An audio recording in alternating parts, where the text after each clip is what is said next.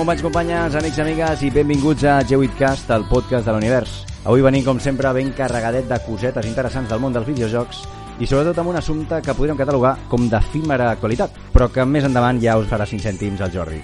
Eh, com sempre, agrair abans de tot el suport i l'acceptació a tots els oients del programa que feu que seguim amb aquest projecte i sobretot amb aquestes ganes de seguir-lo fent créixer.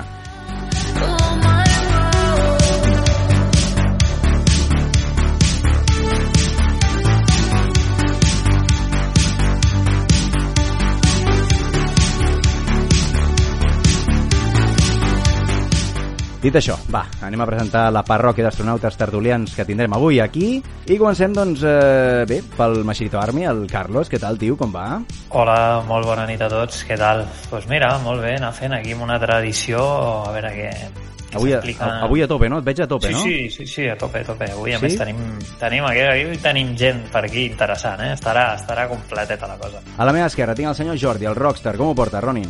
Ei, què tal, tio? He escoltat, he escoltat tradició o traïció. Traïció és el que ha fet la DH, que no ha vingut. Ja, yeah. sí, sí. Al, al final no podia venir i, bueno, co eh, assumptes, eh, assumptes comercials. Ja sabeu que és un tio fet pel business i, bueno, al final no, no ha pogut. No, no. Sí, Ja, sí, ja sí. ens convidarà a birra el proper dia i ja està. Correcte, Estava, correcte. estava, estava fent pujar l'Ethereum. Correcte. Eh, seguim. I avui comptem eh, doncs, amb un component i tertulià de luxe que ens portarà unes cosetes molt interessants, que com hem dit fa una estoneta, fa res, el Jordi ens revelarà ara als sumaris. Ell és el Manu. Benvingut, Manu. Com estem, mestre? Molt bé, moltes gràcies. I, bueno, encantat d'estar aquí a l'univers eh, Counter-Strike Global Offensive.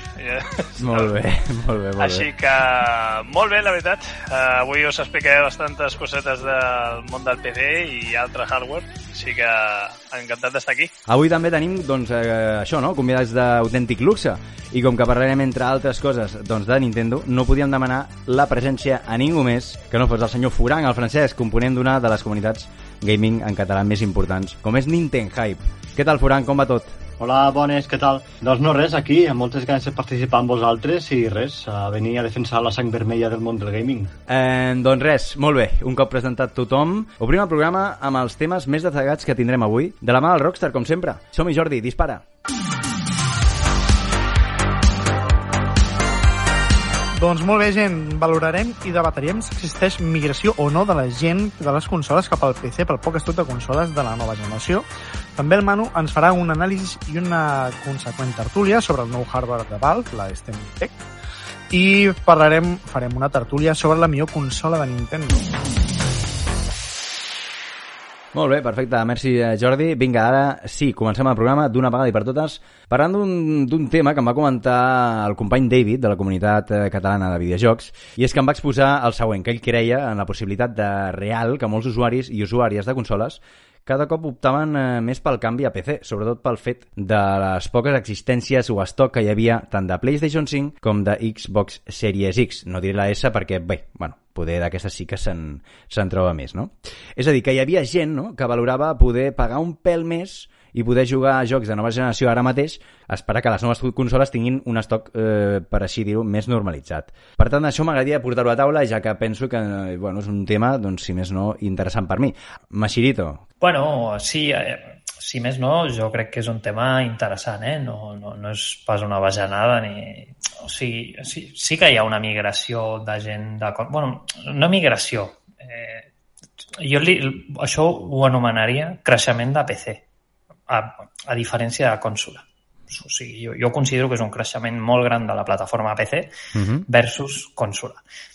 I el tema dels semiconductors i tota aquesta mancança que hi ha últimament, sobretot derivat tant pel tema de que ha sigut un cúmul de coses, no? El tema de l'auge del teletreball de molta gent i la demanda de- d'ordinadors i tot això, el tema de les criptomonedes i tot això, ha sigut un cúmul no? que, que, que ha generat tota aquesta mancança de semiconductors però mm, jo penso que no, no, no té res a veure perquè les cònsoles tenen problemes d'estoc degut a la falta de semiconductors, però les targetes gràfiques que van a dintre dels PCs també tenen aquesta mancança.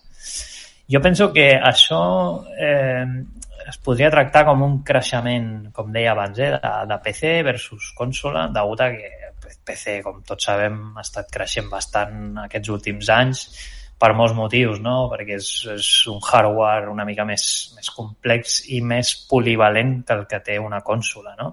Una consola saps que bueno, és la comoditat d'estar al sofà, mando, tal, i el que, els jocs que et donin. No? El, el PC pues, té, molt, té un ecosistema una mica més, més, més divers, no? Uh -huh. diguéssim, i, i i també el tema del hardware, és a dir, tu pots anar-lo ampliant, eh, eh, saps que la consola et dura uns anys i li donen un manteniment i un servei i uns determinats jocs i després hi ha un salt generacional.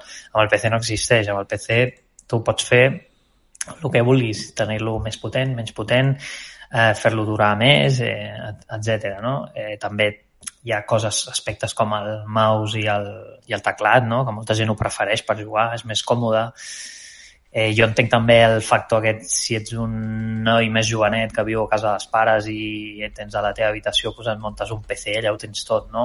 El tema, si, si t'agrada fer streaming, ho tens al mateix PC, mm.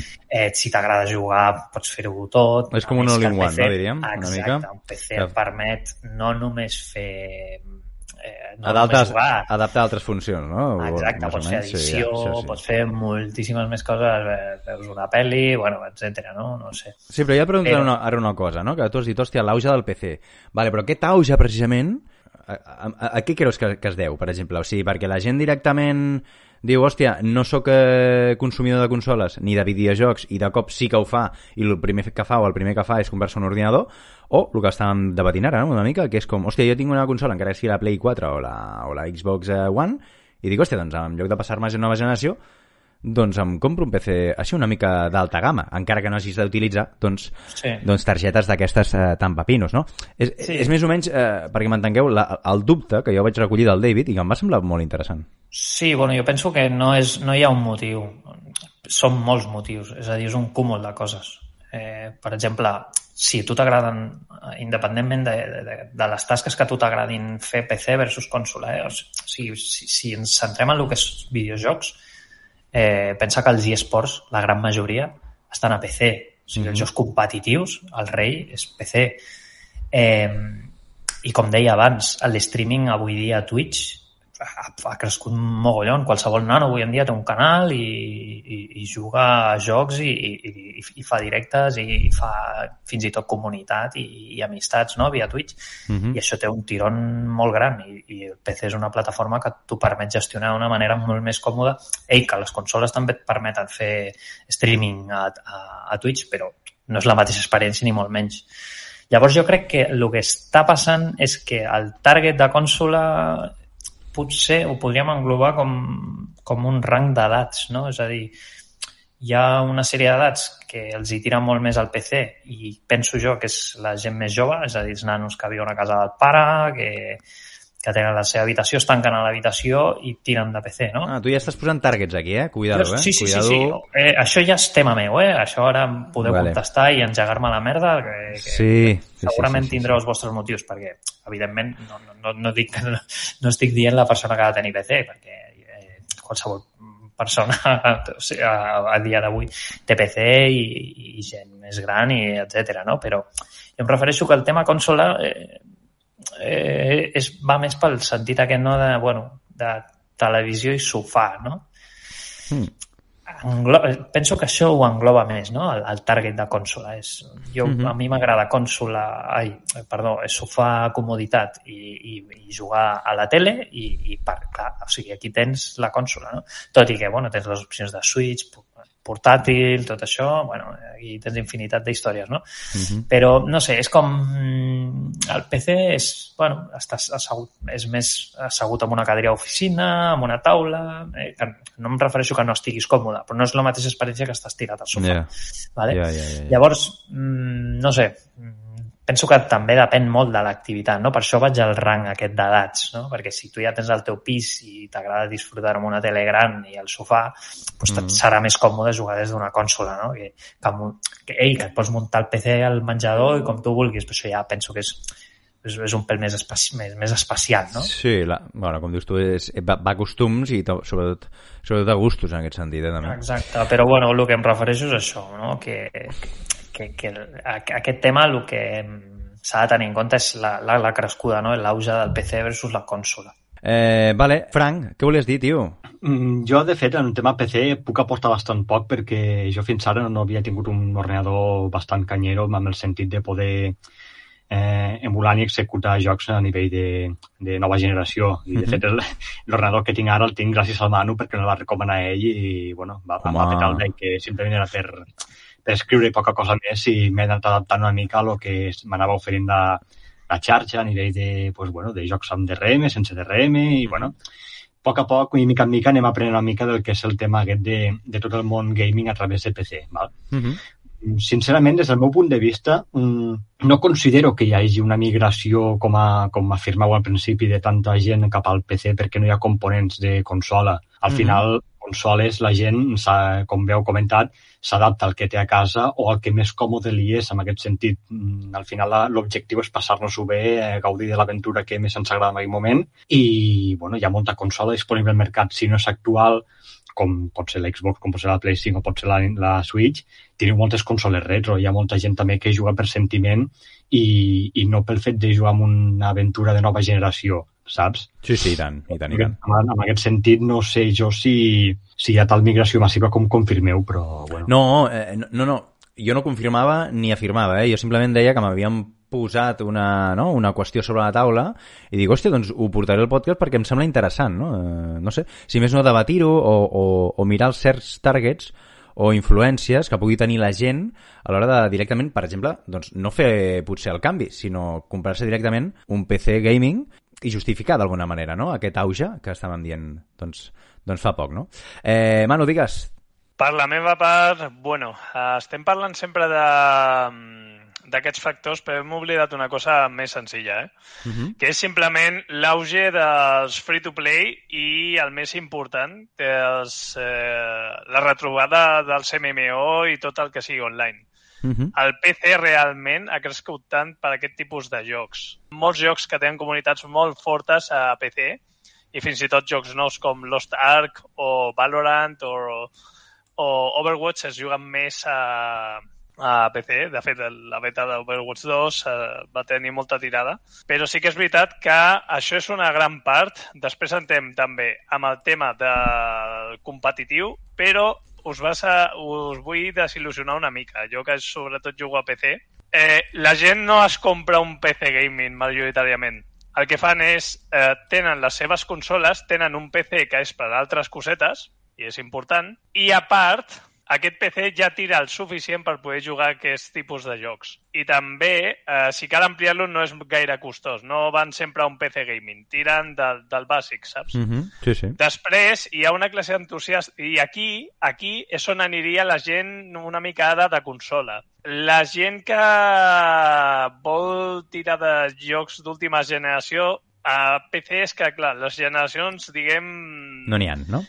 No n'hi ha, és que és una cosa bastant més difusa, eh? és molt uh -huh. diferent. Uh -huh. I uh, el PC es guia per millores tecnològiques. L'últim salt que va bé va, va ser fa 4 anys, que és una cosa que ara ha arribat a consoles, que és uh, el tema d'utilitzar el ray tracing, els rescalats intel·ligents per intel·ligència, artificial, etc.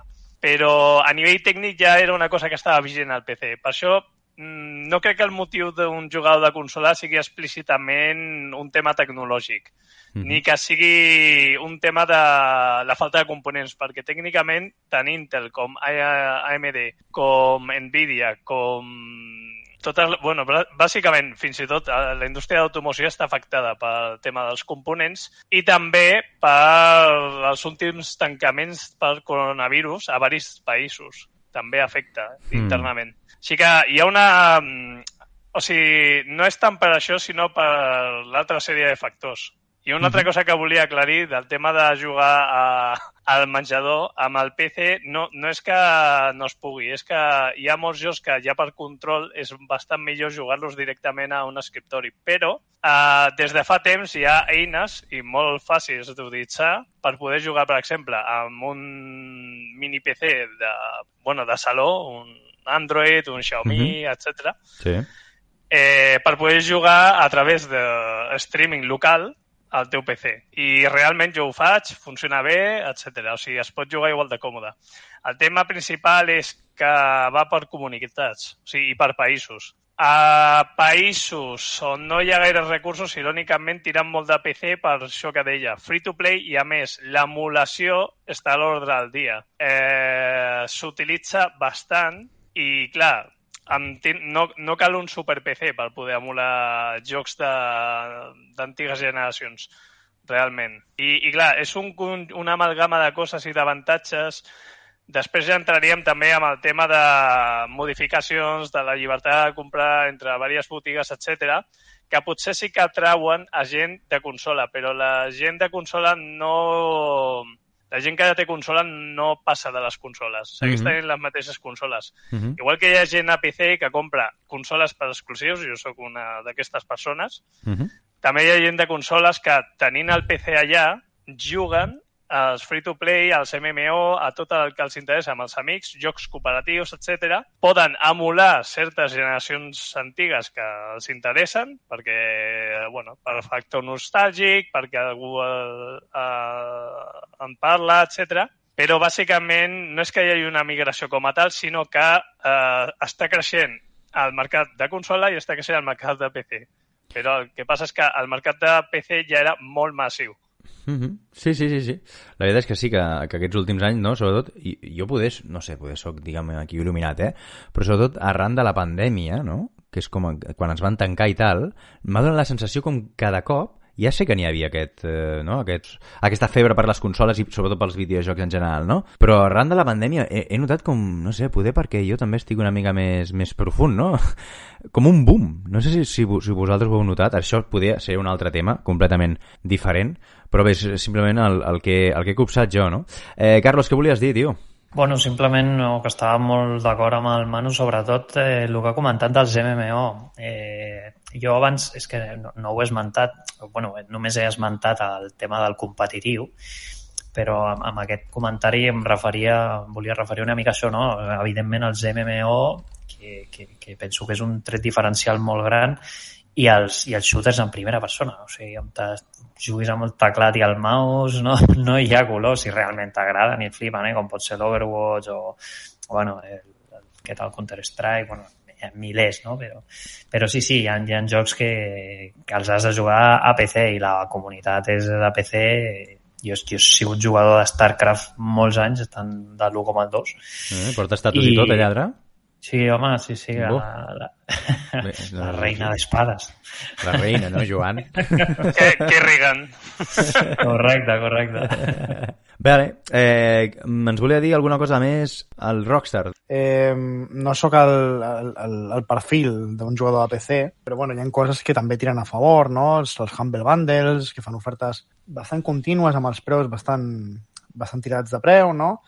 I que tot i que els jocs, és veritat que últimament rebaixen molt els preus i, i baixen molt, molt aviat i molt ràpidament, no? Eh, tot i així, si vols alguna cosa digital, sempre et surt més a compte tenir un PC que no pas amb, amb consola, no? El Manu, per exemple, compra moltes vegades keys a Instant, Instant Gaming, no? de jocs que acaben de sortir sí. per, per 30 euros. Uh mhm. -huh. eh, I si vols una consola, mínim t'has de desembutxar, embutxacar, desembutxacar 40 euros, ai, 40 euros, 50 o 60. Mm. Amb la qual bueno, pues, també és un factor a tenir en compte, no? Sí, poder més accessible en aquest sentit, sí.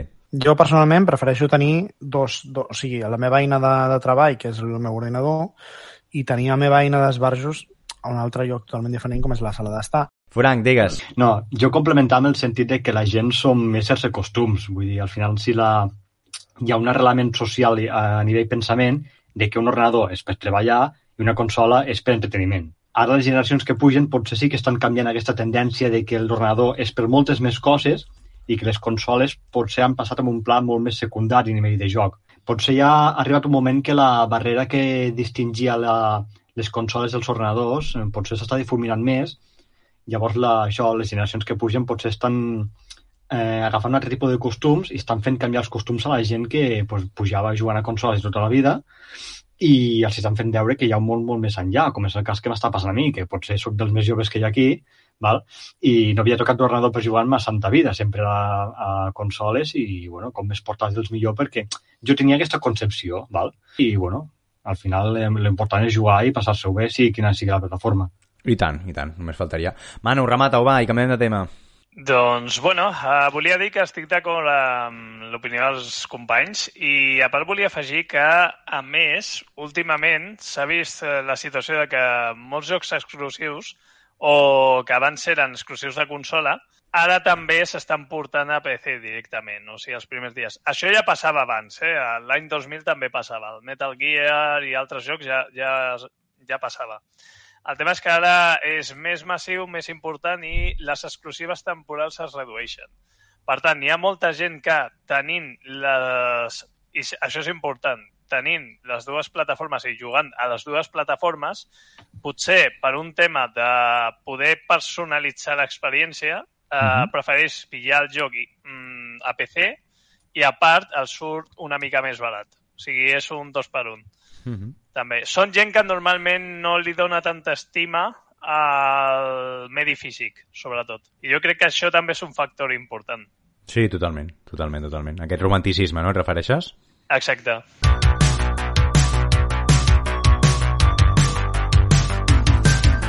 Molt bé, doncs seguim amb un dels temes de rabiosa actualitat, com és la nova Steam Deck, la darrera consola portàtil sortida al mercat de la mà de Valve i on el senyor Manu ens en farà 5 cèntims ha semblat, ja que ha tingut l'oportunitat de, de, de tenir-la casa ja, ja, ja la té a casa el tio, eh, vull dir, no perd el temps, ja ho sabeu.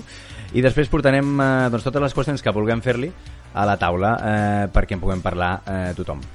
Va, Manu, digues, eh, per on vols començar? Bueno, el primer és ser una mica hipster. Ho sento. El target cal... hipster, no? Molt bé, molt bé. Sí, sí, no, i, i us diré perquè bàsicament la Steam Deck no és una consola, és un ordinador personal ah, amb un format còmode. Això és el primer matís, que és que per què ho dic això? O sigui, sí, li podem dir consola, eh? no us preocupeu, simplement era, era una mitja broma. Bàsicament, eh, l'estan comparant molt amb altres sistemes, amb consoles eh, tancades com la Nintendo Switch i no és el cas. És, ja us dic, és literalment un ordinador i, i us explico el per què. Uh -huh. Sí, primer, eh, sí que és veritat que el hardware és de bastant nou, és arquitectura RDNA 2 d'AMD, i comparteix, i comparteix moltes característiques amb les consoles de nova generació. Vale? Eh, però, per altra banda, la forma de plantejar l'ús del software, etc és més com un ordinador personal. O sigui, tu pots instal·lar Windows 10, Windows 11, des de fa una actualització, i bueno, també pots eh, instal·lar Linux, fins i tot pots instal·lar FreeBSD, o sigui, té, té pots fer tot el que faries amb un ordinador personal. Mhm. -huh. aquest, aquest és el resum. Per tant, sí, per mi és un ordinador personal amb un format que permet jugar còmodament. A partir d'aquí, el que us puc explicar, primer de tot, és què m'ha semblat a nivell físic, a nivell de construcció. La que jo tinc, la que jo he provat i he estat fent, bueno, he estat jugant, etc, és la versió d'alta gamma, Sí, és la més alta. No, mira l'ell. La que té ah. la... Sí, sí, digue-li digue la... tonto, eh? Digue-li tonto. Sí, té la... És important perquè el primer és que té és la que té més espai de matxa-matxa, bueno, d'alta capacitat, uh mhm. -huh. de 512 gigas. Després també té una pantalla antirefractant, que sí que és veritat que eh, perd una mica de tonalitat respecte a les altres, però guanya moltíssim perquè realment funciona molt bé l'antireflexes. Uh -huh. Això és eh, quan acabes de pantalla. Després, eh, en tema de pes, estructura, etc. És gran, és, o sigui, bàsicament seria com la Switch, però amb els Joy-Cons eh, no oficials, els d'Ori, que són així molt grans. Uh -huh. És com... I el tema és que, clar, això també comporta que pesi més. Per contra, us diré que eh, pensava que seria molt més incòmode jugar amb ella, però, primer, han repartit molt bé el pes, per tant, no es nota tant el pes, honestament, Mm -hmm. i a part d'això és molt, molt ergonòmica, està molt ben dissenyada. Sí, s'adapta també Igual. a, a les teves mans i tal? Sí, sense cap problema. I, de fet, una de les coses que em va sorprendre és que la creueta, que està a l'extrem esquerre, no molesta. O sigui, realment funciona molt bé. Una altra cosa que, així físicament, els acabats estan molt bé. O sigui, no és l'acabat que tenia, per exemple, l'Steam Controller, Mm. que era així una mica, com li diuen, chinoso, sinó aquesta és de no? més... Sí, sí, plasticós. Vale. Era de més qualitat. Mm -hmm. I, a part, l- els trackpads àptics eh, els han millorat moltíssim. Respecte, o sigui, eh, per mi, una de les millores que més he notat, sobretot als shooters, jugant a... O sigui, jo jugava molt amb l'Steam Controller per, per provar i de més els jocs d'estratègia, shooters i de més, Mm -hmm. però és que aquí va moltíssim millor. No sé si és que ha, hi ha hagut una millora tècnica del propi, de la pròpia tecnologia, però realment es nota la millora. La vibració òptica m'encanta, o sigui, m'encanta... O sigui, jo normalment deshabilito qualsevol tipus de vibració, però la vibració que tenen els trackpads de l'Steam Deck és útil pels jocs.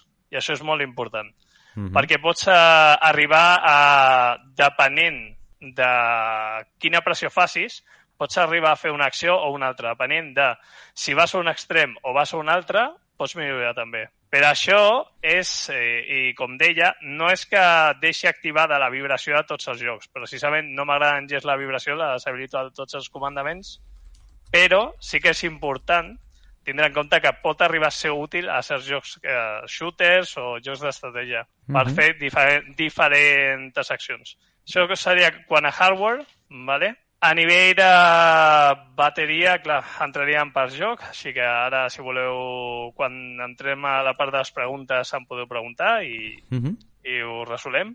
Perfecte. I, bueno, a nivell de software, el... mm, ve preinstal·lat, bueno, ve preinstal·lada una distribució Linux, que és SteamOS, Mm -hmm. que està basada en Arch Linux, que és una distribució bastant coneguda i bastant utilitzada al món de GNU Linux. I aquesta distribució té la, sobre, la seva pròpia capa de software, que això és el que personalitza Valve per tal de controlar la consola, és la interfície, la UI. Vale? Vale. És còmoda, està bastant ben dissenyada i, el més important, aquesta consola l'actualitzen o sigui, pràcticament cada setmana. Està tenint actualitzacions i millores constants. Una de les coses molt xules que té és que tot és, tot és personalitzable i a part d'això, i és molt important també, pots eh, afegir mètriques en temps real per veure com es comporta. I... Què, vol, què vol dir això? Perdona, ara m'he perdut, eh? Disculpa la meva ignorància. Què vol dir mètriques? Pots afegir mètriques, què vol dir? Tu, per exemple, estàs jugant a un joc i vols veure quan consumeix de bateria i Mhm. quan, quin és l'ús de la CPU, de la GPU, l'ús de memòria, el frame rate, les Mhm. caigudes Vale. de frame, Vale, el vale. frame mig, el frame time, etc. Tot això ho pots activar en una opció molt còmoda des del propi menú, utilitzant dos botons d'acció que té la Steam Deck. Ah, està guai, està guai, està guai. Vale? I és una cosa que per mi és essencial pel públic d'aquest aparell, que és bàsicament gent que ja tingui PC, gent a la que li agradi trastejar i el més important, gent que sobretot estigui familiaritzada en jugar amb Linux. Sí? Perquè, Sí, és, és important estar finalitzat? Si no et pots fer un lío o alguna així o què? Eh, el tema és que si vols treure-li tot el suc, si, Uh -huh. vols, si vols fer funcionar tots els jocs, si vols treure el màxim de bateria, amb el màxim de qualitat gràfica i de més, l'ideal és que sí, siguis una persona curiosa i tinguis certa experiència en, en GNU Linux, sí, sí, totalment. Vale. No és, no és, per exemple, una consola orientada a gent que ve de la Switch, explícitament. No, vale. no és veritat. Sí, poder no és tan accessible en aquest sentit, no? Poder, o què? No, en Vale. absolut. Uh -huh. Perquè, com dèiem, és que realment és un PC. L'únic que té el format de consola.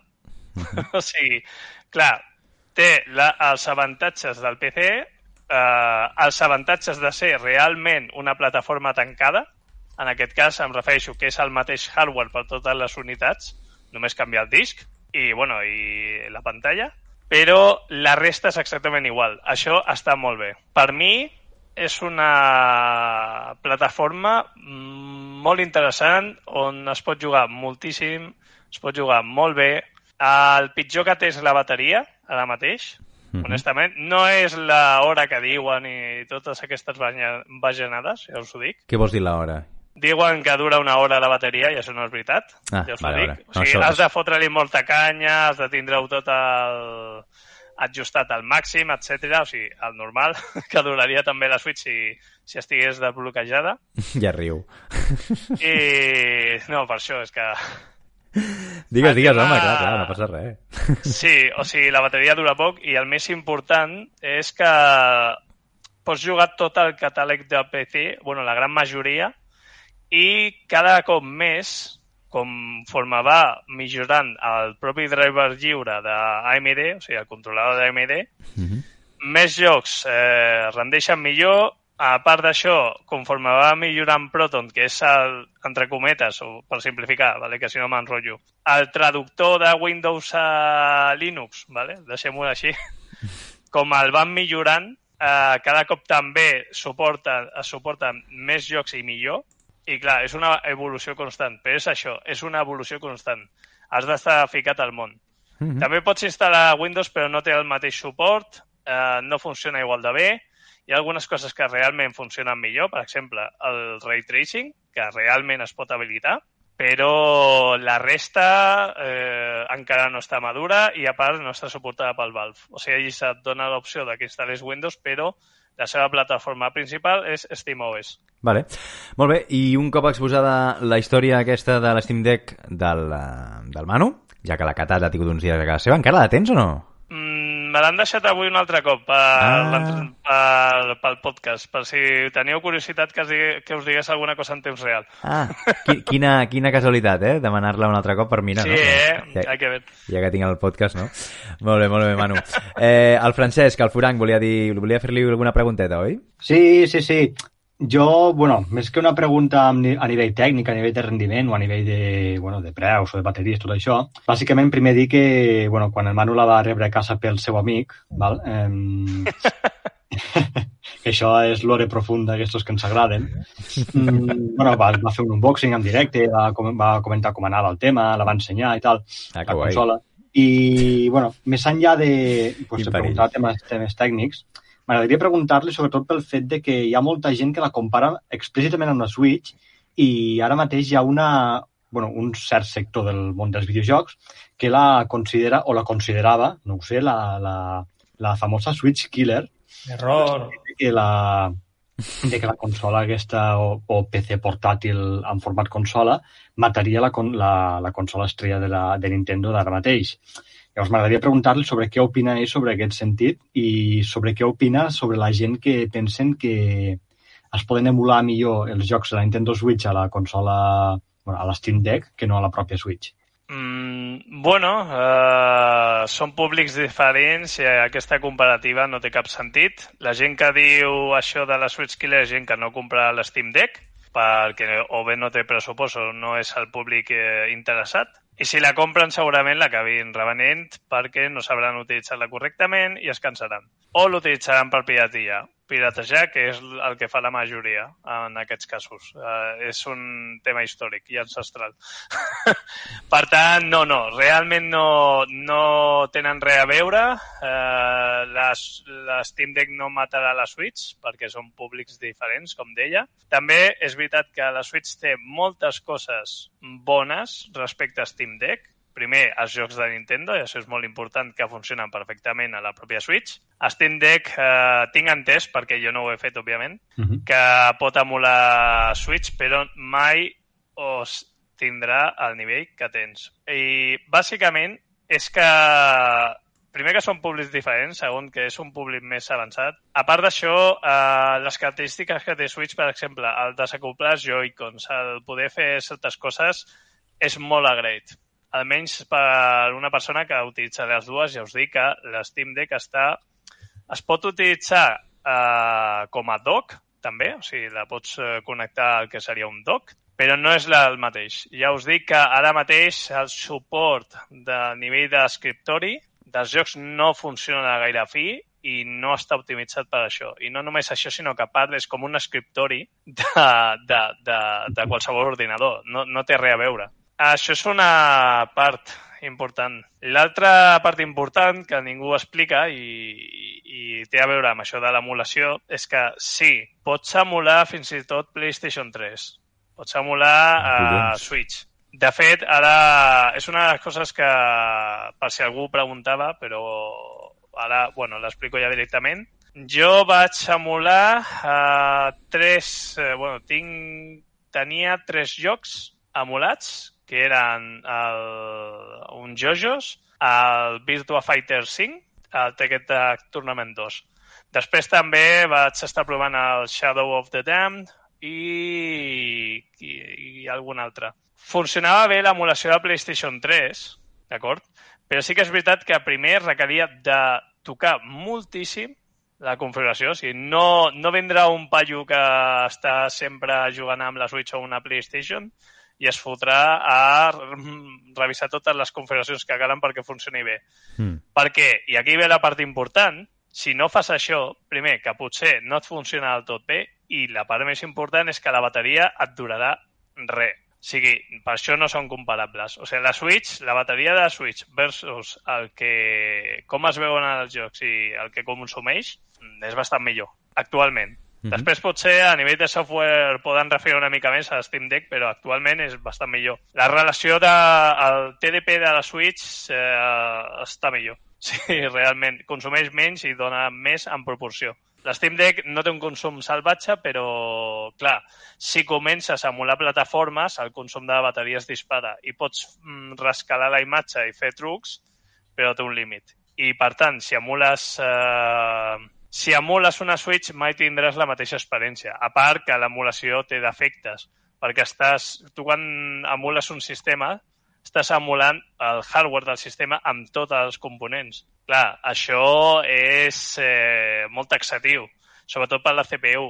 La CPU de l'Steam Deck és la part més fluixa d'aquest PC i és molt important tindre-ho en compte. No, no és tan senzill com pinten. Mm -hmm. A part és això, que és un tema de pressupost. Et compraràs un trasto de 400 euros més l'enviament, més el que sigui, i després ampliaràs a, amb una SD, etc. Sí, ho pots fer. Però ja us dic que no, no tota, vamos, que no anirà com la Switch simplement. No anirà ni es veurà com la Switch. Vale. Eh, doncs crec que s'ha entès eh, d'allò més, eh? Massi, què li volies preguntar al Manu? Bueno, crec que ens, ja s'han dit totes les coses que, que m'havien passat pel cap per preguntar, però bueno, és igual, fem una repassada i si cas toquem una miqueta més, més en profunditat. El tema del, del doc, bueno, ja, ja ho has dit, no? però m'interessava saber què tal, què tal funcionava, o sigui, la flexibilitat que tenia, o sigui, ja no comparat amb la Switch, evidentment, però la comoditat, no? de dir, vale, ara en ve de jugar des del sofà amb un mando, que per cert, què tal també la connectivitat amb, el, amb els mandos? La... Suposo que amb tot Bluetooth, no? D'una guai. La connectivitat perfecta amb tot tipus de dispositius no he tingut cap problema. És la mateixa connectivitat que pots tenir a qualsevol distribució de GNU Linux bastant recent. Uh -huh. O sigui, ho suporta pràcticament tot. No he tingut problemes. De fet, eh, he connectat DualSense, he connectat el control de la PlayStation 3, he connectat el d'Xbox, Xbox Series X, Ok, perquè entenc que al connectar-la al dock, allò ja deu ser com ficar amb un HDMI directament a la tele, no? Et fa un duplicat de, de screen i, i pa'lante, no? No, hi ha una cosa important i és que la pròpia consola té un mode escriptori. Per tant, -huh. tu quan ho connectes a la tele, el que has de fer és passar a mode escriptori. Si no, eh, no acaba de funcionar. O sigui, en el sentit de no es trasllada la imatge a pantalla. Però quan passes a mode escriptori, sí que és veritat que ja tens la, tota la llibertat que tens amb un ordinador, simplement. És que literalment és un escriptori. O sigui, hi ha moments, vale? i això és molt important, que, clar, tu connectes, tens un escriptori d'ordinador, simplement, o sigui, d'una interfície de, de KDE, o NOM, o l'escriptori que sigui, o, o Windows, per exemple, I, clar, allà has d'obrir els jocs, etc. Això és amb un teclat i un ratolí. Sí, ho pots fer amb la pantalla tàctil, no hi ha cap problema. També tens un teclat virtual que es desplega, però no és la màxima comoditat. Vale? Mm, O, vale. sigui, o sigui, teniu en compte que quan passes a mode escriptori, per norma general, el que faràs és passaràs a... O sigui, quan vols jugar, perdó, a una pantalla, el que faràs és passar a mode escriptori, allà connectaràs el dock i tindràs el teu escriptori a la pantalla. I això funciona molt bé. El problema és que a nivell de rendiment, suposo pa, que per... Eh, di, bueno, és que seria molt complex d'explicar-ho. eh, simplificant moltíssim, diguem que no està optimitzat. Vale? O sigui, simplificant moltíssim. Algú de Linux em mataria ara mateix, vale? però enteneu-me, sisplau, vull que la gent m'entengui. El tema és que no està optimitzat per funcionar a l'escriptori, de moment. I Mm, vale. això es nota. O sigui, Vale, no és la vale. millor experiència. La millor experiència és en portàtil. Vale. Vale, vale, vale. I deies, bueno, el tema del sistema operatiu, ja, ja ha quedat clar que és SteamOS, no? que és una distribució de, de Linux, que per qui no entengui res, és com una versió del sistema operatiu de Linux que s'ha modificat, no? I, i, i és Correcte. una versió específica només per, per això, no? Hi ha moltes per, per moltes altres tasques Mm. i Steam va fer pues, pues la, la seva versió, no? Eh, per- jo l'estimo és... Eh, el vaig tenir amb un Linux fa molts anys ja, eh, però suposo que ara per, per l'Steam Deck deu haver evolucionat moltíssim. Eh, perquè, per exemple, una cosa tonta, eh? jo, jo em poso ja en casos d'ús. Eh? Per exemple, si fas una, un screenshot per, i vols compartir-ho, tens opció de, per exemple, jo que sé, tenir un navegador i accedir a Twitter i compartir-ho? O, Sí, sense cap, sense cap problema. I tens un instal·lador de paquets on pots instal·lar emuladors i pots instal·lar altres software que no estigui inclòs a la consola. Sí, no és cap problema. No, no, sí, sí, ja et dic. Bueno, eh, el que parlava abans també el Furan, eh, eh, sobretot pel tema de la gent que ho compara amb, amb una Nintendo Switch, que penso que és, que és una bajanada perquè són dos Sí, sí. targets totalment, totalment diferents i eh, a més és, és el que tu deies, eh, és un públic super avançat, que, que, que li agrada molt friguejar, que té clar, que coneix molt bé la plataforma sobretot de, de PC, que, que vamos, que hasta es planteja instal·lar-hi un altre sistema operatiu que no sigui SteamOS, bueno, i explotar-la al màxim, no? Eh, Sobretot Correcte. en temes de- d'emulació, instal·lació de sistemes operatius i, i to, tota aquesta mandanga. L'únic target que veig, a part de gent d'usuaris molt avançats, és gent de l'emulació, o sigui, literal. Exacte. El- Tot i que per l'emulació... Bueno, clar, evidentment no te la compres exclusivament per emular, no? Perquè això ja ho pots fer des d'una. PSP o una PS Vita, que et pots comprar a segona mà, que també foten virgueries amb això. Però, però sí, sí, es, es veu una, una màquina de, de qualitat, eh? La veritat que sí. Vale, molt bé. Rockstar, què, què, què volies dir més a la mano? Val, jo tinc unes preguntes com a jugador casual de PC, val? Saben de Steam Deck com una consola una consola, un PC portàtil, no?, més aviat. I, bueno, hi han com altres PCs portàtils que també s'han fet molt de renom, no?, com és la, la ja Neo, Neo Next aquesta, no?, o la One X Player Mini de Ryzen, no?, i totes costen quasi el doble, el doble del preu estàndard de l'edició de, de Steam Deck. Eh, realment val la pena gastar-se els 1.000 dòlars o més aviat amb una Steam Deck ja xutaries i aniria bé?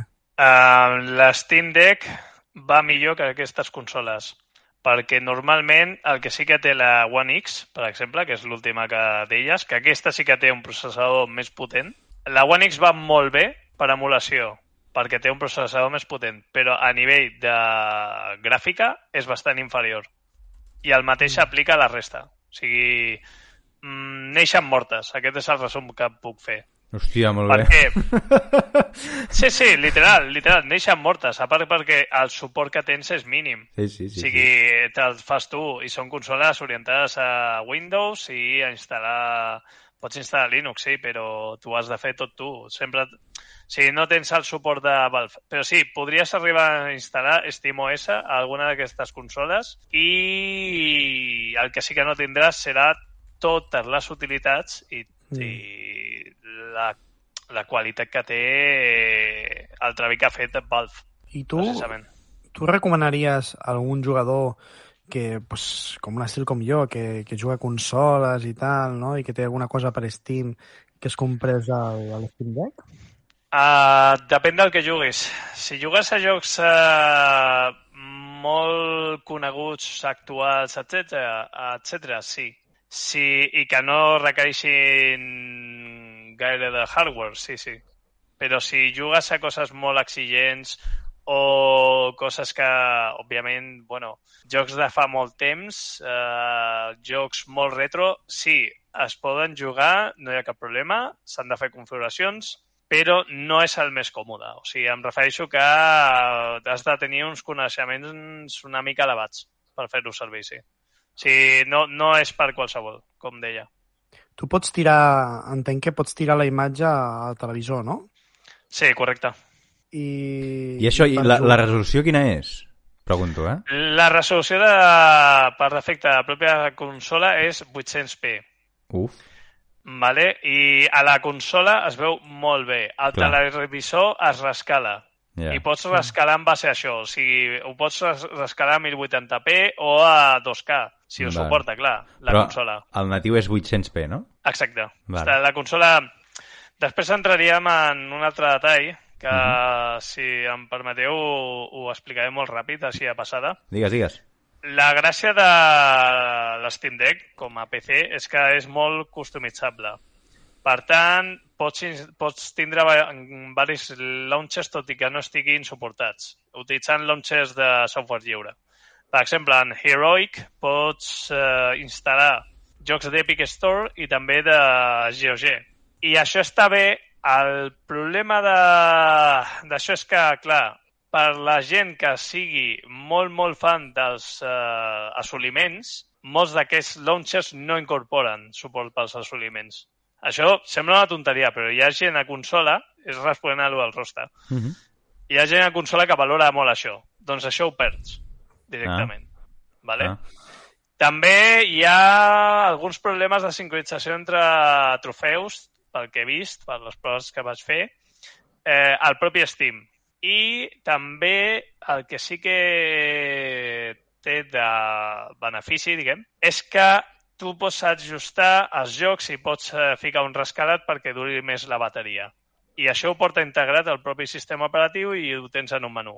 Pots tunejar tant el perfil del joc que fins i tot ara, eh, fa ahir em sembla que va ser, van afegir una actualització per guardar un perfil per cada joc. Per què és útil això? Per exemple, tu pots restringir el que consumeix la consola quan s'executa cert joc. Pots capar el frame rate i així dura més la bateria.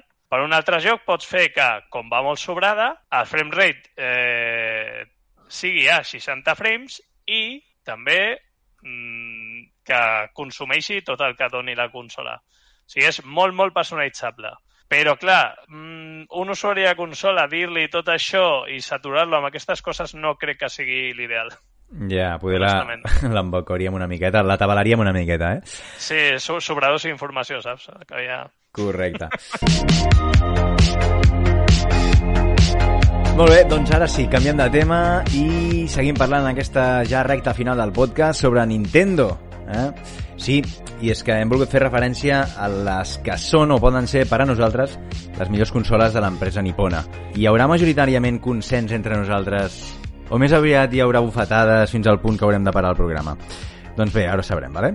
Per començar, i ja que és un dels convidats de luxe, més enllà de membre també d'Interhype que hem dit abans, aquesta gran eh, comunitat eh, catalana de videojocs, m'agradaria que comences el, el, el Furanc. Eh, tot teu, fot-li. Pues, a veure, jo primer de tot he de comentar que mm, intentar triar una sola consola de més de 30... Crec que són més de 30 consoles que ha tret una companyia és una animalada de proporcions bíbliques i us heu fotut amb un merder impressionant, eh? Mhm. Vagi per davant el, el, la, la flora cap a vosaltres, eh? No va ser idea meva, eh? Crec que va ser idea del, de la DH. I no és Sí, perquè mira. ara no estigui aquí, eh? Aquí per defensar, vale, no, molt, molt bonica, molt bonica, vale. Dit això, va? Jo més enllà de parlar de, de consoles mm, pues, millors, pitjors o les preferides pel públic, jo parlaria més enllà de mm, l'impacte que han tingut a nivell social, val? O sigui, si tirem la vista enrere i ens n'anem a la primera consola possiblement que va tenir més impacte a la gent o que va permetre que Nintendo fes un pas endavant al món dels videojocs, potser diria que la millor en aquest sentit és la, la NES o la, la Nintendo Entertainment System. Val? Si pensem en, una, en la consola que va arribar a un públic més generalista i va permetre fer arribar al món dels videojocs a, a, molta, a moltíssima més gent i amb, amb més de 1.100 jocs tirats per la consola, potser podem parlar de la família de la Game Boy i de la Game Boy Color. Val? Si, ja que, si ens anem molt més endavant, ja cap al 2004, cap al 2006, i pensem en consoles que van tenir encara molt més impacte social per la revolució que van suposar a nivell de jugabilitat, mm, clarament la millor seria la Nintendo DS i una mica més endavant la Nintendo Wii. Val? I ja, si ens fiquem a l'actualitat, mmm, clarament la consola que està dominant tot el mercat, tot i moure's a 30 FPS i 720 i 720p, mm, lògicament la Nintendo Switch. O sigui, jo faria aquests quatre pilars fonamentals a nivell de qualitat, mm -hmm. però no per, a nivell personal meu, sinó per, per l'impacte que han pogut tenir per la gent i per la comunitat en general. Mm -hmm. Sí, sí, sí, sí, està clar. Però, però, però a veure, jo t'he portat aquí perquè et mullis. Vull dir, escolta'm. Eh, perquè mulli. Clar, eh. jo és que tinc una relació molt especial amb la Nintendo Game Boy, la Totxo, la grisa.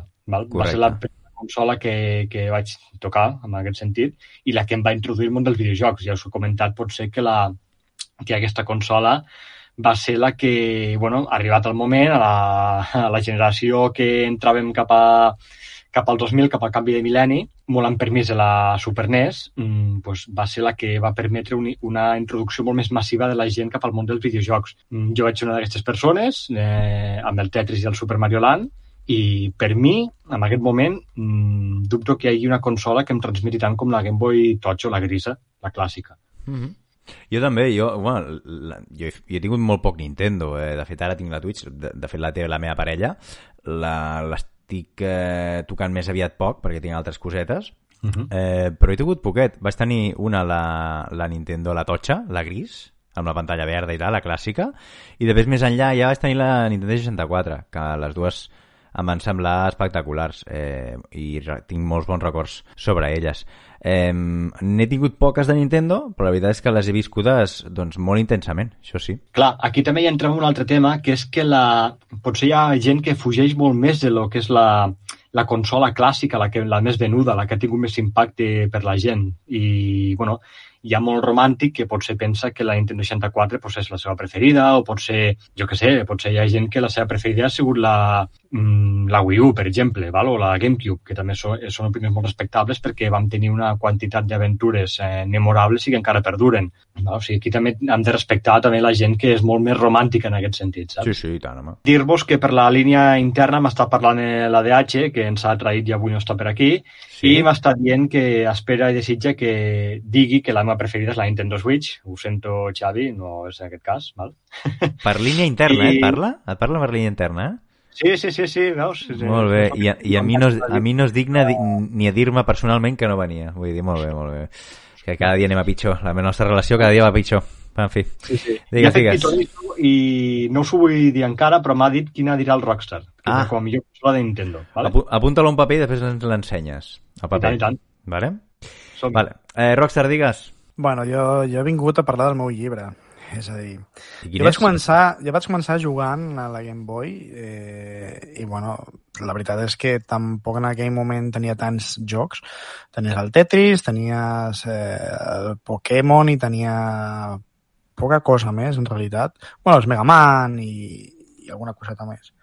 Però la que em va marcar sí o sí va ser la Super Nintendo. O sigui, sisplau, si algú té dos dits de front, escull la Super Nintendo com a millor consola. I per què? Ara, Perquè és que... Ara, ara. Bueno, Do, dos, dits, dos dits de front. Ja s'està fotent amb l'altra gent? És que aquest tio em rebenta els podcasts, tio. Perquè ja s'està no. fotent amb l'altra gent que poder no opinaria això. O sigui, tu, no, però... tu pensa, tota aquesta gent que no opina com tu ara mateix, eh, mm. dona pausa al podcast i ens tira a la bessura. Clar, no pot ser, sí, tio. Bueno, pues no passa res, tio, no en tenen ni puta idea, però jo aquí estic jo. No pot ser. Vale? Joan. Aquí estic jo, aquí estic jo i, i us explico el per què. És a dir, en, en, el, en el meu sentit, els millors jocs de, de, de videoconsoles que han sortit fins a, fins a dia d'avui, les millors epopeies estan escrites sota la plataforma de Super Nintendo. Chrono Trigger, Illusion of Time, eh, Final Fantasy VI, Final Fantasy IV, eh, Terra Enigma, eh, podríem parlar... Earthbound, bueno, podríem parlar de molts més altres jocs que són brutalíssims i que han, bueno, han quedat per la memòria de, de tota la gent, no? A més, um, hi ha una cosa que, per exemple, Nintendo 64, a part de que no va triomfar massa, eh, es nota que sí que s'ha quedat molt vella, però en canvi tornar sempre a clàssics pixel art com eren els de NES o sobretot els de Super Nintendo, doncs sempre es torna a casa, tio, és, és brutal. Molt bé, el Frank et volia dir alguna cosa. Sí, sí, sí. Clar, jo anava a dir justament el que ha comentat ell al cap d'una estona, el fet de que el Jordi és ultra fan dels RPGs, val? i la Super Nintendo va tenir una sèrie de, de franquícies que van a, bueno, que són molt potents, com ja els ha dit ell, Airborne, eh, el Secret of Evermore, que no sé si l'ha dit, el Terra Enigma, l'Illusion of Time, per aquí el Manu ens comentava el Final Fantasy VI, vull dir, clar, són coses que si et toquen la, la patata de petit i ja t'has criat amb aquest, amb aquest tipus de, de gènere i amb un tipus de consola, lògicament t'aniràs seguríssima que aquesta, jo, aquesta il·lusió i aquesta, bueno, aquest sentiment que tens per aquesta plataforma doncs ja t'acompanyi la, la resta de la vida. No, però no, no és qüestió de, de, de nostàlgia, eh? És qüestió de valors. De valors, valors, senyors, senyors Ara- i senyores. Valors, perquè aquest joc, o sigui, pots escollir qualsevol joc de qualsevol temàtica que et trobaràs un dels millors jocs en la seva, en la seva, en el seu gènere. És a dir, que vols jocs de plataforma, tens el Yoshi's Island 2 o el Super Mario World. Que vols eh, jocs de conducció, tens el Super Mario Kart. Bueno, tens, tens de tot, o sigui... Vols, vols futbol, tens el Superstar Soccer, que era, Ara, ara, ara. El, el que era el pro, no? El que de la vista pro, sanital. Doncs sí, sí, sí, que era el, el que és ara l'eFootball, no? Que es veia una mica Sí, sí, xacadet. sí, sí. Bueno, sí, és que ho tenies tot en aquella època. I tot el que tenies era bo.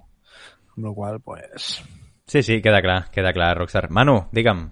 Mm, bueno, com es deia aquella consola del porc espí blau eh, de, su- de Nintendo?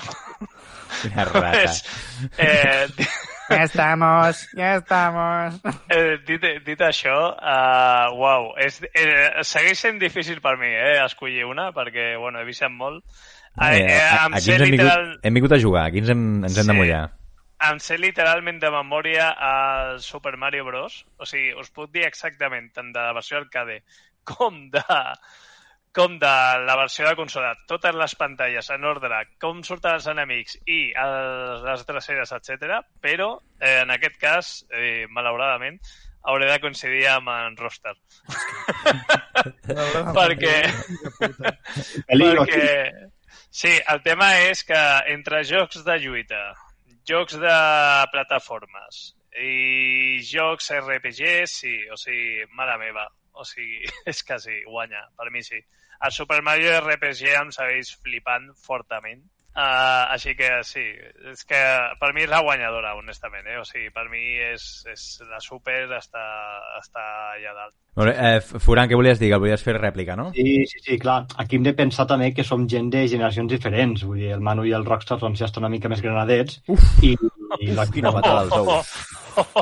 i lògicament tiraran cap a consoles, però clar, estem parlant de que la NES és el 1990 i la Game Boy, bueno, és una, és una miqueta més, més enllà, però bueno, ja et dona aquesta diferenciació d'edat, no? Pues que ja et tira, ja et fa Què tirar et passa, Benjamin Button, que has dit que la teva preferida era Game Boy, tio?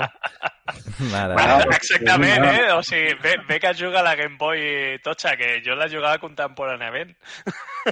Mare És per, nostà- és per nostàlgia, no? Perquè eh, Ah, En fi, Mashirito, eh, Carlos, posa aquí una mica d'ordre. Sí, bueno, això, el tema de les edats eh, és així, eh, realment. O sigui, jo sóc del 83, eh? Jo vaig començar a Atari i, i MS2, eh? Jocs de MS2 allà veiem, vamos. Però, però sí, sí, és, la, la comparativa jo penso que també és una mica com, com, eh, com el tema de la música, no? Eh, De la, sobretot el tema de discoteca, no? Que és molt generacional, no? És com Mm. dir, uah, aquesta música és una merda, no? O aquesta música no, és millor que aquesta penso que és el que has viscut, no? Tu, en, en, en el teu moment de la teva vida.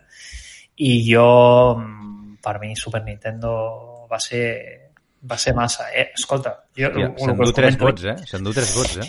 Jo, jo vaig viure, jo he viscut, bueno, Ui, quins haters. Ui, ui, els haters. Eh, la Nintendo Entertainment Que ens tanquen la barraca. Però per mi va, Super Nintendo va ser massa. Va ser massa perquè els jocs que va jugar a Super Nintendo i els anys que, o sigui, tot el temps que li vaig dedicar va ser brutal. Bé, només amb el Super Mario World, el Super Mario Kart, bueno, o sigui, si ens posem a dir jocs és infinitat. Eh? Parodius, Star Fox, F-Zero, tot, tot, tota la el xorro de jocs que hi havia a Super Nintendo jo vaig disfrutar molt. I ja no només els jocs, el mando, el man... o sigui, les sensacions d'aquella consola, eh, bufar aquells cartutxos, no, és que no, no tenien preu, o sigui, allò era, eh, era espectacular. Tot i que també tinc molt gran amor a la, a la Game Boy original, eh? Encara tinc una per aquí, Ara, que ara. funciona espectacularment. Ah, en tens una encara? Hosti, jo, mira, Sí, tio, jo... i la mare- tinc modificada, bueno, la tinc amb la pantalla retroil·luminada i tot. Sí, sí, sí. Mare de Déu, mare Déu. Jo me la vaig vendre fot molt de temps i no, no, saps, Malament. no saps com me'n penedeixo, tio. No saps com me'n Malament, penedeixo, tio. malament. Tot i que penso que de tota la... O sigui, uh, tirant de... No sé com... O sigui, obviant les mm, consoles que no han tingut massa rellevància o actualitzacions de, vale? perquè si mirem aquestes són, és un fotimer, com deia el Furan al principi. eh, penso que després de Super Nintendo la que li segueix molt a prop ha sigut eh, el que ha fet Nintendo amb Switch. El de Switch ha sigut espectacular.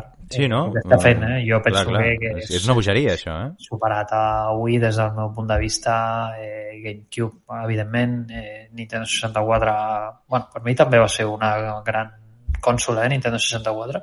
Mm. El mando, bueno, et pot agradar més o menys, o ja té els seus detractors com té els seus fans, Mm. però penso que el que ha fet Nintendo amb Switch és, i continua sent espectacular, eh? Sí, perquè que- el 2022 eh, li està passant la mà per la cara a, a, a altres grans, eh? Per no dir nom, sí, sí. Eh, jo el que realment admiro de, de Nintendo és la capacitat que tenen de resiliència, tio. De, de, de saber-se inventar i de reinventar ells mateixos. Sí, exacte. Ja, ja sigui És- a, a través de gadgets, a través de, no sé, de, de funcions, de, Exacte. i ampliar més Ah, el target... No és sé, el seu negoci, és el, el seu negoci Sí, és sí. innovar i, i és el seu tret diferenciador de la resta, no? O sigui, la resta es basa en, en hardware potent per jugar a jocs d'última generació i, i Mm. ja està. Nintendo sempre treu aquell, bueno, Allò aquella més, no? volta, no? Aquella volteta, no? Eh, Mhm. bueno, Potser aquest- juguen, però d'aquesta manera, no? Correcte, potser és aquest, aquest punt de ro romàntic, no?, que poder les altres no tenen, en aquest sentit, vull dir, no em malinterpreteu, eh, doncs que també la fa, doncs, doncs eh, la, tota, fa tenir tota la repercussió que té a nivell mediàtic, que és com hi ha molts fans de Nintendo que comprarien fins i tot, eh, bueno, que van arribar a comprar allò de cartró, ima- imagina't. Sí, Vull sí, dir, sí, saps? el factor fan, no? Sí, que sí, tinguin sí. els sants pebrots, i ara em perdona, eh, la gent de Nintendo que li agradi allò de cartró. Com es deia? Com es deia, Furang, allò de cartró? El Nintendo Labo. El Labo, sí, sí. Hòstia, Sí, sí, i, ara, i ara també perdoneu-me la gent que esteu aquí escoltant-nos i sobretot a vosaltres eh, bueno, si tens collons o si Nintendo té, té els sants collons per parlar en plata de que hi hagi gent que acabi comprant coses de cartró per, per, els, per, eh, per ítems per la seva consola, eh, doncs xapó, tio. És, és així, és així. Podries fer una casa explosiva i tot. Sí, en, en sèrio o no? O, o, Sí, totalment. o, això, o això, al mercat negre, no? Lladre o què? Ho? Bueno, no, no, era, era en sèrio. Hi havia un... Bueno, podies fer una capseta per la Switch que era una casa i després hi ha un meme que la fa explotar Ah, és vale. com un botó. Vale, sí, vale. sí, en sèrio. Em pensava en sèrio. vale. Hi ha, un, hi ha un labo per això, sí, sí. Hòstia, doncs fem una cosa, perquè no, nosaltres normalment, quan pengem el, el podcast a Twitter sobretot, eh, posem els enllaços en què, en què ens basem durant el, o que parlem durant el, durant el programa. Per tant, doncs, eh, si, si això, doncs us ho posarem aquí als comentaris i així podreu veure aquesta, aquesta mena de capsa mm, una mica mm, explosiva, no? Dius, Manu? Sí, sí, sí. Vale, vale, vale. vale. Eh, Furang, digue'm. Sí, bueno, jo toco diversos punts eh, així per anar, per anar acabant. Eh? La primera de tot, bueno, jo sé, ja veu que sempre que pugui fotre una mica de canya cega, doncs li foto i no passa res. Aquí no sé més que el Jordi. que. Oh, mal anem. Jo no us vull dir que la gent que, que ara mateix bueno, diu que la Super Nintendo és la millor consola de, de Nintendo i tal. Clar, és que veníeu d'una d'una sèrie de plataformes eh, de l'Erizo Blau, hòstia, complicadetes, eh? Llavors, clar, lògicament doncs, tindrà més predisposició a, a, a mirar la qualitat de Nintendo, val? Només, només un ignorant diria que veníem d'un porcaspí blau i no parlaria de l'X-Kit, tio, de la Master System. que és la mascota definitiva. Fot punys, aposta i el millor de tot s'emporta la pasta i condueix una moto. Això, no ho feia, això no ho feia Mario. I punt. Quants, quants jocs que se n'ha fet del, de l'Alex Kidd? Bueno, ara Mario tira gorra, eh, ara. I tots, tots boníssims, eh, sobretot sí. els de Mega Drive. sí, sí. Fixa't, fixa't que han perdut tota la memòria col·lectiva com els millors, eh? Els Alex Kidd. Va. En fi. Hòstia. Jo després també volia parlar del tema que comentava el Machirito, del tema de la innovació de consoles. Mm. Sí que és veritat que, bueno, és una mica el que ha dit ell, no? En el sentit de que la, a la competència, pues, jo què sé, a, a PlayStation o a Xbox els exigeix una potència gràfica descomunal, val? mentre que a Nintendo, per de forma històrica, se li ha anat exigint mm, innovació. Val? Mm. Mm, no tant a potència gràfica, perquè ja veieu que la Nintendo Switch actualment pues, arriba on arriba i s'està menjant el mercat actual. Vull dir, no hi ha ningú que li, que li tosseixi la cara sense que, que vengui 10 milions més de consoles, saps? Correcte, sí, sí.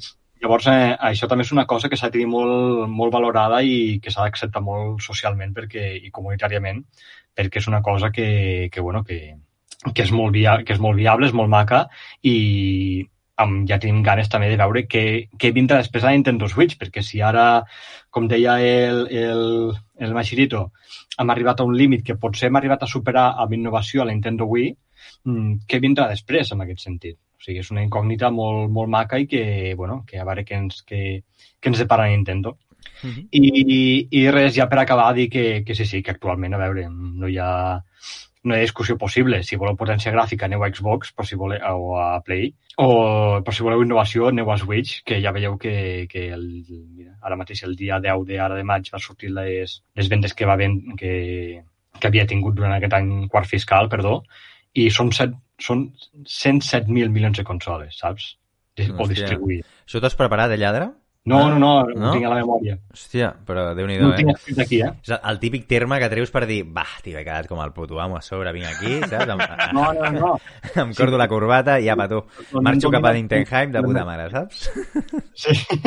No, però és veritat, Nintendo ara mateix domina el 70% del mercat de les consoles. Sí, sí, sí. I qui negui això és que, bueno, com ha dit el Manu ignorant, pues sí, hi ha molta gent ignorant a la vida, un d'ells soc jo, però bueno, Nintendo té 100 milions de consoles venudes. Ah, diuen que els ignorants són els feliços, no? Diuen, diuen, diuen, diuen, diuen, diuen, diuen, diuen. Eh, Rockstar, què em volies dir?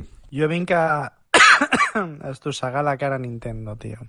A veure, eh, no, no és per res, eh? eh? Ets un que, malaca, tio. No, és que, és que vull, fer, vull fer un comentari al, al, al Fran només per tocar-li la moral, val? No, ja, ja, ja, ja. Que sàpigues que si no m'equivoco, la primera consola retrocompatible era la Mega Drive. Val? Sí. I, de fet, Game Gear Correcte. podies posar eh, videojocs de Master System, però bueno, és igual. No passa res, tio. Acabaràs en programes, en altres podcasts, tio, parlant de coses. No passa res. Eh, dit això, eh, bueno, pues, pues jo què sé, tio. Eh, parlem de Nintendo Innovació, però te recordo que hi havia una altra competència eh, que sí, que feia, innovava també, no? I també li van sortir coses malament, però també li van sortir de bones. Va, hem vingut a parlar de Nintendo, li... no? És Nintendo. I a Nintendo també li van sortir coses dolentes, com el Robot Rob, que van treure tres jocs comptats i altres coses que no, no cal esmentar. O sigui, jo crec que és bastant interessant parlar de, de fets i moments històrics, no? O sigui, eh, hi ha jocs i moments que marcaran una època, jo crec que una època daurada van ser 16 bits, i, i que a l'època dels 64 bits doncs el plat se'l van portar una altra, una altra companyia, no? com és el, el tema de, de Sony, no? Hi ha com més jocs memorables en aquest sentit que no pas els seus competidors i, i també estic posant d'entre Saturn, eh? perquè Saturn bueno, pues aquí a, a Occident doncs, va tenir un, un mercat molt curt, no? Però no, no hem parlat Wii, i Wii realment va ser el que jo penso que és el precursor de l'actual Nintendo, no? Aquell Wiimote, eh, amb aquells jocs com el Wii Sports, no? que veus, eh, pues, jo què sé, una mobiliària que t'està venint la casa i totes tenen la Wii a casa, i és que es va vendre com xurros, i no només això, sinó que va fer jugar a les persones pues, més, una conducta més familiar, no? El jugador gran casual que els va portar aquí. Jo crec que Nintendo Switch ha agafat el relleu no? d'aquells jugadors casuals i els ha tornat a portar a la seva consola. Molt bé. Eh, Manu, digue'm. Bueno, per la meva part, i per no treure tant el, fast, el factor nostàlgic, també us diré que mm, després de la Switch, perquè és la consola que em sembla l'equilibri perfecte per mi, en aquest sentit, de Nintendo, la meva consola ideal va ser la 3DS.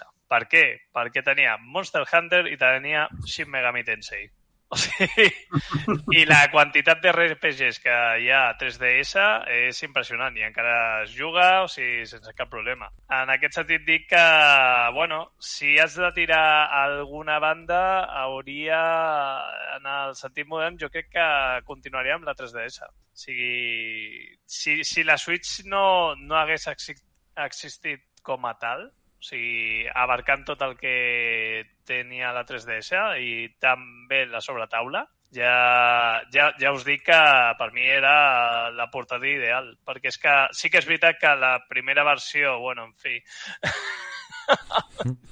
eh, el tema del 3D, sí, bueno, eh, estava allà, però, uau, van arribar autèntics jugassos, eh? O sigui, un catàleg boníssim té. I part d'aquest catàleg que ha marxat a Switch també s'agraeix. O sigui, honestament. És que, clar, sempre parlem de, cons de consoles de fa molts anys, de quan érem petits o quan érem adolescents, però jo crec que també hem de tindre en compte això, l'actual, saps? Sí, sí, eh, està clar, Manu. Eh, Furan, què volies dir?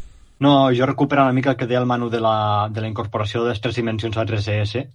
La veritat és que va ser una cosa que al principi, quan ens van ensenyar els trailers, que va sortir a l'E3 també, o a la presentació que hi havia llavors, no em recordo on la van ensenyar, sincerament.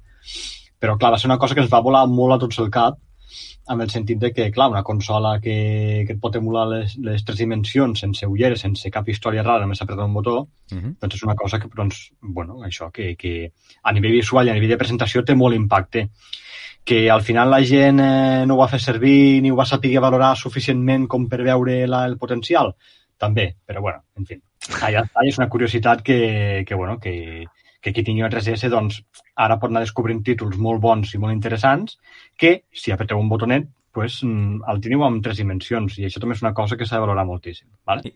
Sí, sí, i, I res, ja per acabar, dir-vos que de les cinc consoles més venudes de la història, tres són de Nintendo. Doncs segueix amb el seu trajo i anant-se'n cap a Nintendo High tranquil·lament perquè la gent li faci la onada. molt bé, molt bé. Molt bé, Si no em paguen, tio. No et paguen? Ah, no. Si no, no em paguen, nen. Estic aquí quatre vegades i, i si no dic com si fos Nintendo em tanquen a l'esmorra, eh? Pues si nosaltres et paguem per fer de, de, de tertulià, ja ho pots dir ja. Per això, però bueno, vosaltres em pagueu això de, això, i m'he de postar amb vosaltres, però amb la gent que s'ha intentat som mala gent, nen. Qui, quin, quina gent, quina gent, des d'aquí un salut, una salutació, bueno, no, eh? És que no, és que no ho puc dir, no ho puc dir perquè si no em venen a Twitter, me fan fils a Twitter i no, no és qüestió, ah. no és qüestió. Bueno, bueno, bueno. Dona igual, te'l fan igual. Correcte. Te'l fan, bueno, igual. Te'l fan igual. Per, per venut. O sigui... Sí, sí. Tio. Mare meva. Bueno, companys, companyes, ho anirem deixant aquí i ja tancarem la, la paradeta. Eh, no abans sense donar-vos les gràcies. Eh, Manu, gràcies per venir avui aquí a participar al, al podcast de l'univers, al G8cast. De res, encantat. Jo encantadíssim, ja saps. Perfecte. Eh, Frank, gràcies també per venir i explicar-nos doncs, les aventures i desventures de Nintendo Hype, en, entre d'altres. Merci, tio. No, res, merci a vosaltres. De veritat que és un gaudi venir aquí a un dels millors podcasts, que no és perquè no em pagueu o no em pagueu o no em pagueu, però de veritat, si voleu informació de videojocs en català de qualitat, escolteu l'univers, eh? Home, tio, ens posaràs aquí vermells ara tots, eh? O no sé, eh? jo estic ben vermellot, eh? Ja ho saps. Quan, quan, era, quan era l'hora? 20 euros o quan van quedar? Bueno, ara quedarem amb el Jari perquè sí, no ho sé. Ara, ara, ah, vale, vale. vale He mogut el meu PayPal per MP i ara, li, ara quedarem. Clar, no, vale, vale, bé, bé. Heu de, heu de Has tallat aquesta part, Heu de pagar no? la BH. Sí, el, el de VH és el tresorer, eh? És el tresorer. Ah, val, Està fent, està fent hores extra ara, per això no ha vingut. Sí. Ah, clar, clar, clar. clar, clar. Havia de tancar comptes, el lladre. En fi, eh... en fi, ara en sèrio, moltes gràcies, eh, Rockstar, per, per venir, com sempre, tio. No, no, gràcies a vosaltres, tio. I ja espereu, o sigui, estic aquí per pujar el nivell del l'univers. Quin tio. Eh, Carlos, eh, ja per acabar, gràcies per, per venir, eh? com sempre, tio. Eh? Un plaer, com sempre, participar aquí amb vosaltres i també agrair al Manu i al Furan eh, les seves aportacions i, i el bon rotllo. Molt bé, i dit això, doncs com sempre recordeu-vos eh, que si voleu consumir l'univers, doncs és molt fàcil. Tenim les xarxes socials, concretament quatre de ben marcades, Instagram, que és per totes aquelles captures que nosaltres fem eh, durant eh, les, eh, les videopartides que anem fent, Twitch, per de tant en quan fem directes, sobretot eh, setmanalment, YouTube, com sempre, és on eh, tenim el, el contingut més, eh, més especial i el contingut més gruix, gruixot de l'univers, amb, amb, amb diferents eh, estils, i el Twitter, per si voleu seguir doncs, el dia a dia de l'univers. Nosaltres ho deixem aquí, moltes gràcies i que vagi molt bé. Fins al pròxim edició del podcast G8cast, el podcast de l'univers. Ciao!